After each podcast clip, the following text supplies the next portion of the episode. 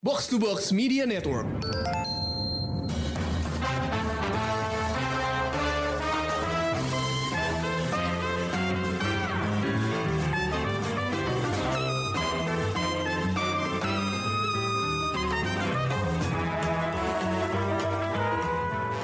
Pendengar Showbox, selamat datang di solo review Korea Vaganza. Loh, kok Korea Vaganzanya sendiri? Iya, kali ini Korea Vaganzanya sama Ulil. Karena film yang gue tonton kali ini rada-rada horror dan thriller. Dan mungkin baru gue yang berani nonton di antara Amy dan Krisna Karena kayaknya Amy agak cukup cemen nonton ini Dan juga kayaknya Krisna lagi sibuk banget jadi nggak bisa nonton. Tapi nggak apa-apa uh, gue mau ngasih tahu tentang film yang baru gue tonton ini karena filmnya seru banget ini beneran seru banget. Gue sepanjang film tuh deg-degan nontonnya karena filmnya ini tentang kecanggihan dunia digital tapi dipadukan sama bunuh-bunuhan. Aduh deg-degan nggak tuh? Ya kan secara genre gue juga bunuh-bunuhan ya. Kira-kira udah tahu belum nih filmnya judulnya apa Unlock judulnya. Pasti udah pernah denger dong. Ini merupakan salah satu film yang masuk top 10 di Netflix juga. Dan juga film ini juga rame diomongin di social media karena uh, dampak film tersebut yang diberikan kepada penonton yang udah nonton tuh emang bener-bener menakutkan gitu loh jadi kayak teror tapi sebelumnya gue akan menceritakan plotnya dulu gue akan share informasi yang menarik dulu dari Unlock ini. Sebenarnya nih pendengar Showbox, kalau Unlock ini diadaptasi dari novel Jepang yang judulnya Sumaho wo Oto Shitadake yang ditulis oleh Akira Shiga Sensei. Nah, setelah novelnya terbit, udah dibikin nih adaptasi film Jepangnya yang disutradarai oleh filmmaker terkenal Jepang namanya Hideo Nakata Sensei. Namanya familiar? Yes, Hideo Nakata ini yang bikin film horror Ring dan Dark Water versi original Jepang. Di film Jepangnya ini dikasih nama Stolen Identity, dirilis pada tahun 2018 dan bahkan udah ada sequelnya nih. Jadi sekarang udah ada Stolen Identity 2. Di mana versi bahasa Koreanya ini bahkan tadinya sempat di planning untuk rilis di bioskop, tapi nggak taunya batal dan akhirnya diputusin untuk dirilis langsung di OTT di Netflix gitu. Jadi ini bukan judul trailer atau horor kacangan ya guys. Sumbernya aja udah sekuat itu. Makanya sekarang giliran sinema Korea yang menghandle judul ini. Jadi kita lihat aja hasilnya kayak gimana, bagus atau enggak, bisa bersaing atau enggak dan bikin jantung berdebar beneran atau enggak. Oke, kita mulai dengan cerita si Unlock ini tokoh utamanya itu bernama Lee Nami yang diperankan oleh Chun Bo Hee.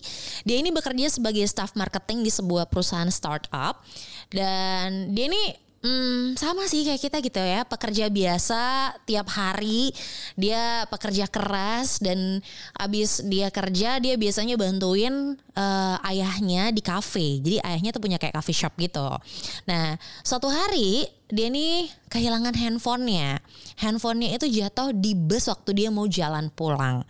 Kemudian handphonenya ini tuh ditemuin sama cowok terlihat dari sepatunya ya. Gue udah menduga nih cowok dan terlihat dari bentukannya. Namanya Oh Juniong yang diperankan sama MC1 jadi di saat itu juga di saat kejadian ini berlangsung si handphone hilang ini di uh, wilayah setempat itu lagi rame tentang berita ditemukannya mayat di mana mayat ini adalah korban dari orang hilang. Nah, jadi di saat itu kepolisian lagi ramai dengan kasus tersebut. Terus uh, setelah dicari tahu, setelah dikulik, kabarnya si Oh Jun Yong ini merupakan anak dari salah satu polisi penyelidik juga yang terlibat dan dia adalah tersangkanya. Nah, udah mulai mencurigakan nih di awal-awal ya. Lalu kita kembali lagi ke ceritanya si Nami ini sama Oh uh, sama Oh Jun Yong handphonenya hilang sama kayak uh, kita gitu ya. Kadang-kadang kalau kita handphone hilang tuh kayak langsung nyari. Tapi si Nami ini tuh bener-bener nggak sadar handphone hilang. Kayak udah hampir lewat satu harian lebih gitu dia baru nyadar handphone gue mana ya terus handphone gue hilang. Terus entah gimana ceritanya datanglah uh, sebuah notifikasi dan telepon gitu ya lewat temennya ngasih tahu gitu. Eh nih handphonenya hilang lo handphonenya ditemuin sama ini tapi handphone lo waktu ditemukan tuh udah dalam keadaan gak bagus jadi masih diservis tapi tenang aja ini udah ada di tempat servis kok dan biaya servisnya udah dibayar gitu. Dan lo udah tinggal langsung datang aja ke tempat servisnya terus ngambil. Datanglah si Nami ini ke tempat servis handphone tersebut di mana si yang punya tempat servis ini adalah si Oh Jun tadi ya kan? Jadi dibuatlah cerita sedemikian rupa tuh perjalanannya kalau bukan si Oh Jun Young inilah yang ngambil gitu tapi tadi tukang servis handphonenya Terus uh, udah nyampe Nami nunggu sebentar, akhirnya handphonenya balik. Nah ketika handphonenya di servis ini, si Oh Jun Young ini kayak masang sesuatu aplikasi gitu. Handphonenya dibuka terus dipasang kayak aplikasi buat ngehack gitu loh. Jadi um, secara nggak langsung itu handphone sudah terkoneksi dengan device-nya Oh Jun Young di mana dia bisa ngelihat apa pun yang ada di handphonenya Nami ini gitu. Udah gitu udah selesai akhirnya Nami pulang dong happy handphonenya balik. Uh, data-datanya aman aman sentausa gitu kan. Eh ternyata itu bukan sebuah kebahagiaan buat Nami karena dari sini membuat hidupnya jadi nggak tenang. Entah gimana uh, datanglah si Oh Jun Young ini ke kafe bokapnya Nami ya kan? Karena kan handphone Nami udah ketahuan tuh semuanya. Bahkan sampai kamera depannya aja tuh si Oh Jun Young tahu bisa ngeliat mukanya Nami dia lagi di mana. Speaker handphonenya aja tuh tahu dia ngomongin apa. Dan semua yang dia lakukan Nami di handphonenya si Ojun yang tuh tahu. Bahkan dia tahu semua isi chattingan teman-temannya galeri dan lain-lainnya. Bener-bener handphone lu tuh kayak di cloning tuh loh jadi kayak orang lain bisa ngeliat isi handphone lo mulai-mulai dari satu persatu si Oh Jun ini menampakkan dirinya. Beneran Oh Jun dia mulai ke kafe uh, bokapnya Nami dia tahu tuh uh, apa namanya ada menu spesial dari bokapnya Nami di coffee shopnya. Terus pura-pura pesan itu pura-pura ngobrol. Terus um, ngejual barang bekas yang merupakan kayak ada hobinya Nami gitu. Terus bokapnya tuh bokapnya Nami tuh mulai yang kayak kayaknya kamu mesti hati-hati deh sama tuh orang. Lo baru kenal kan sama dia jangan terlalu deket ya segala macem gitu gitu nah di situ tuh ternyata kedengeran juga sama Junyong akhirnya kayak eh, nggak uh, lama dari situ uh, one day gara-gara kayaknya si Junyo ini nggak nyaman ya sama bokapnya Nami karena kayaknya rencananya mau digagalkan gitu kan. Karena dia udah ngejagain Nami dari jauh supaya kayak lo jangan terlalu deket deh sama orang ini gitu. Sampai suatu saat uh, waktu Nami lagi tidur itu handphonenya kan terus gerak gitu kan di dimainin sama Junyong terus dia uh, si Junyong ini lewat handphonenya Nami itu lewat cloningan handphonenya dia kirim satu link ke bokapnya suruh dibuka supaya kayak supaya papa tahu aku tuh ada di mana papa please klik link ini. Tapi bukannya yang kayak are you sure gue harus klik link ini? gitu. Ini beneran bukan bukan virus atau apa gitu kan. Nggak nggak kok pak. Ini cuman kayak kamu klik aja supaya aku bisa tahu kamu di mana bisa aku trackingnya gitu. Dan uh, bokapnya juga ternyata main sosial media. Akhirnya diklik lah sama bokapnya. Dari situ akhirnya Junyong juga bisa menghack handphone bapaknya Nami. Itu tuh bener-bener cukup menakutkan ya buat gue. Secanggih itu loh teknologi digital sampai lo bener-bener bisa masuk kehidupan orang dari jauh gitu. Dibilang freak ya freak, dibilang psikopat juga psikopat gimana ya? Dan beriringan dengan uh, hal tersebut, hal-hal yang dilakukan sama Junyong kepada Nami lewat handphonenya itu. Nah, di sisi lain polisi semakin menemukan jejak tentang uh, pembunuhan atas korban hilang gitu. Sampai pada akhirnya Nami kena kasus di kantornya. Si Nami ini kayak uh, dia tiba-tiba ngepost satu buah postingan di Instagram dia yang menjelekkan kantornya dan bikin kantornya bangkrut tapi itu bukan dia yang melakukan itu dilakukan sama si Junyong dia cloning handphonenya dari jauh terus ya udah berangkat dari situ kayak dia ke, ke kepolisian terus dia bilang ini bukan gue gue dihack gue nggak pernah melakukan hal ini akhirnya dicari tahu dicari tahu dicari tahu terus kayak Iya deh, kan si Junyong ini ceritanya dia ngerti digital banget gitu kan di awal. Terus yang kayak uh, uh, gue apa dia bilang di awal tuh waktu kenalan sama Nami adalah uh, salah satu karyawan uh, keamanan digital gitu. Terus kayak uh, dia nanya lah sama si Junyong eh ini kenapa ya handphone gue terus Junyong bilang kayak iya handphone lo dihack kok gini gini gini gini gitu. Terus berangkat dari situ akhirnya penelusurannya semakin dalam namanya juga iya ya apa handphone gue dihack ya? Dia berpikir keras gitu kayak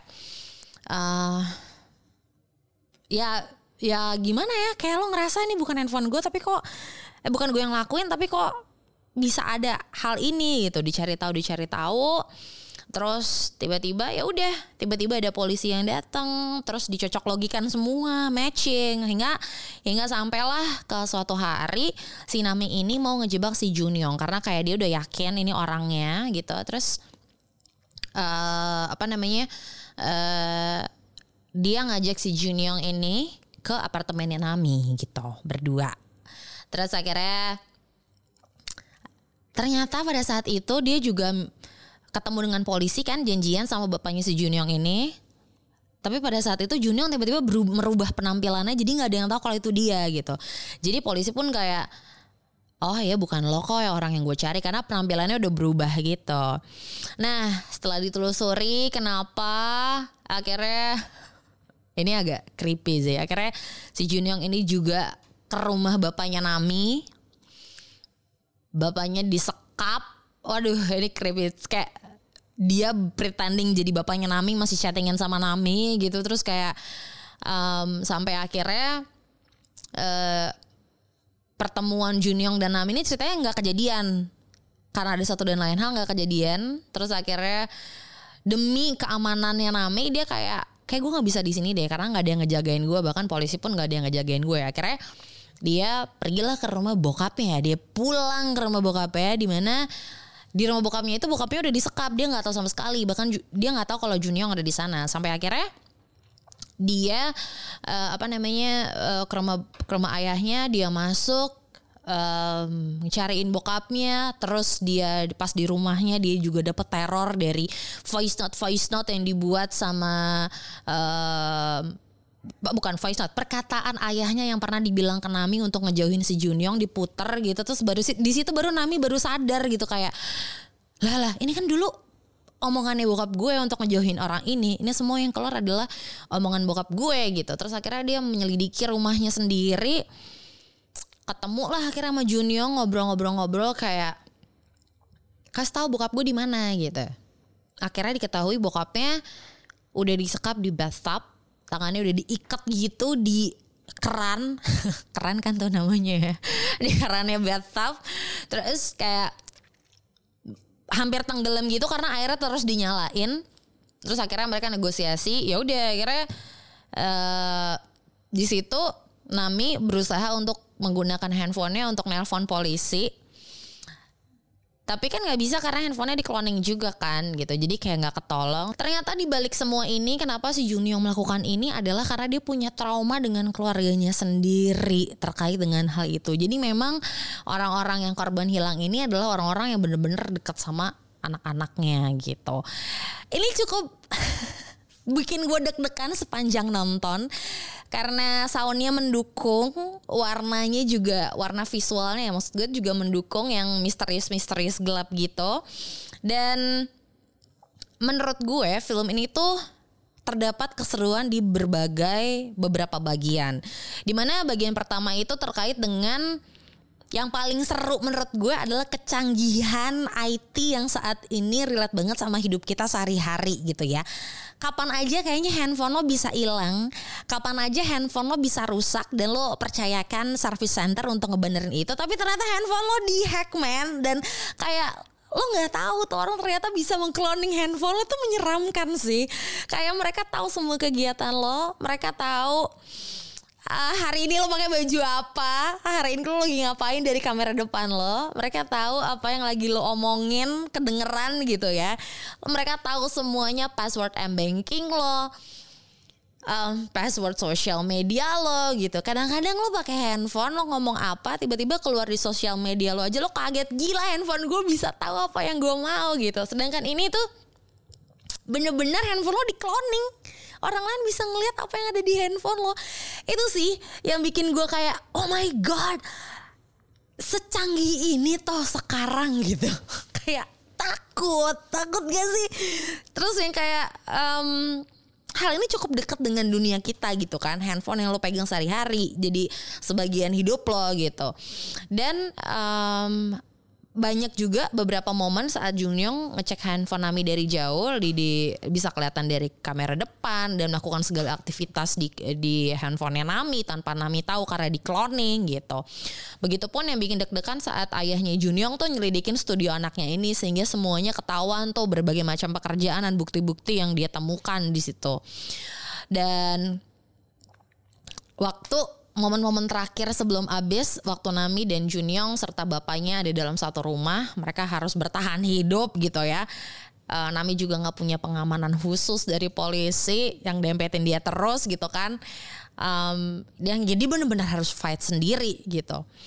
Dan momen disekap itu sih yang bikin deg-degan sih. Kayak lo bener-bener ditenggelamin di bathtub gitu kayak oh my god dan itu di rumah lo sendiri. Lo di rumah lo sendiri lo bisa kecolongan gitu loh. Kayak gimana ya?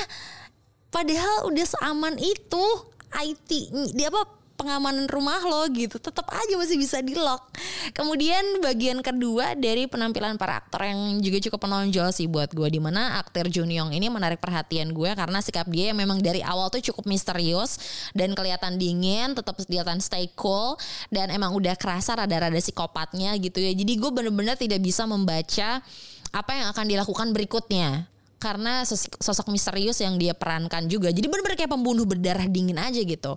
Dan yang terakhir sih aktingnya Nami yang benar-benar kayak uh, itu bisa terjadi di lo dan dia benar-benar kayak orang biasa yang handphonenya tuh kayak benar-benar di cloning, hilang, bingung dan dia panik dan dia uh, di akhir dia harus uh, bertahan hidup gitu ya. Serta perjuangannya sampai akhir yang bikin gue kayak wow dia berani melakukan hal ini untuk menyelamatkan dan membalaskan kekesalan ayahnya gitu karena dia karena di akhir-akhir tuh kayak dia menganggap ayahnya tuh meninggal gitu. Tapi yang paling memorable di film ini menurut gue adalah seluruh adegannya cukup memorable terkait dengan pengkloningan handphone di saat Junyong melakukan berbagai macam aktivitas lewat handphone Nami dia melakukan semuanya um, dari jauh kayak wow. Gue bener-bener yang kayak gila handphone lo dikontrol orang lain. Itu bener-bener gue TBL kalau kata anak sekarang. Takut banget lah. Bener-bener takut banget gitu. Jadi sampai honestly sampai gue selesai nonton film ini gue jadi parno sendiri. Kayak gue ngerasa insecure sama handphone gue sendiri takut ada orang lain yang cloning handphone gue. Semenakutkan itu efeknya ke gue. Bahkan kalau misalnya uh, di sosial media ada meme-nya ada yang bahkan nge-search ke Google gimana cara kita tahu kalau handphone kita dihack sama orang atau di cleaning sama orang? Saking takutnya habis nonton si unlock ini. Tapi ada sedikit kekurangan di unlock nih pendengar showbox. Meskipun gue sebenarnya nggak pengen mengkritik terlalu banyak tapi ada hal yang mengganggu buat gue di mana endingnya menurut gue kurang greget. Karena di ending ini dibikin gantung pelakunya memang sudah ketahuan si Junyong tapi Junyong ini di akhir diceritakan mukanya udah bengap dan dia ditembak sama Nami. Terus di ending tuh ada ambulans datang yang nggak ketahuan adalah apakah si Junyong ini selamat atau tidak. Begitupun bagaimana dengan kelanjutan kisah ini kayak apakah lo akan diadili seadil-adilnya karena pembunuhan atas korban hilang yang lo lakukan atau tidak. Begitupun dengan uh, kehidupan Nami dan ayahnya gitu. Ayahnya akhirnya diketahui kalau ayahnya masih sadar, cuman ya udah gitu. Semuanya berakhir di ambulans gitu. Semuanya berangkat dari rumah si ayahnya itu pakai ambulans. Jadi gue kayak why kenapa lo menggantungkan gue dengan akhir yang seperti ini gitu. Kenapa gue harus disuruh nebak sendiri? apakah Yunyong yang meninggal atau tidak? Apakah terselamatkan atau tidak? Itu sih yang bikin gue greget di luar. Uh, dua jam gue menikmati film ini dengan deg-degan cloningan handphonenya Nami di Junyong yang lakukan tuh gue bener-bener wah nggak habis pikir sih. Setakut itu sih gue.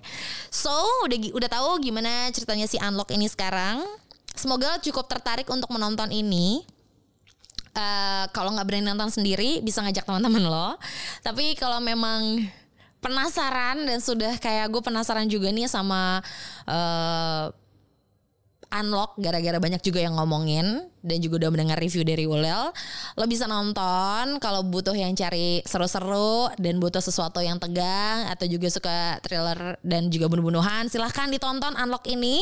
Dan sesuai dengan tradisi dari Showbox Podcast, gue sekarang mau kasih rating bintang untuk Unlock yang menurut gue Unlock ini pantas banget untuk dapat 4 bintang.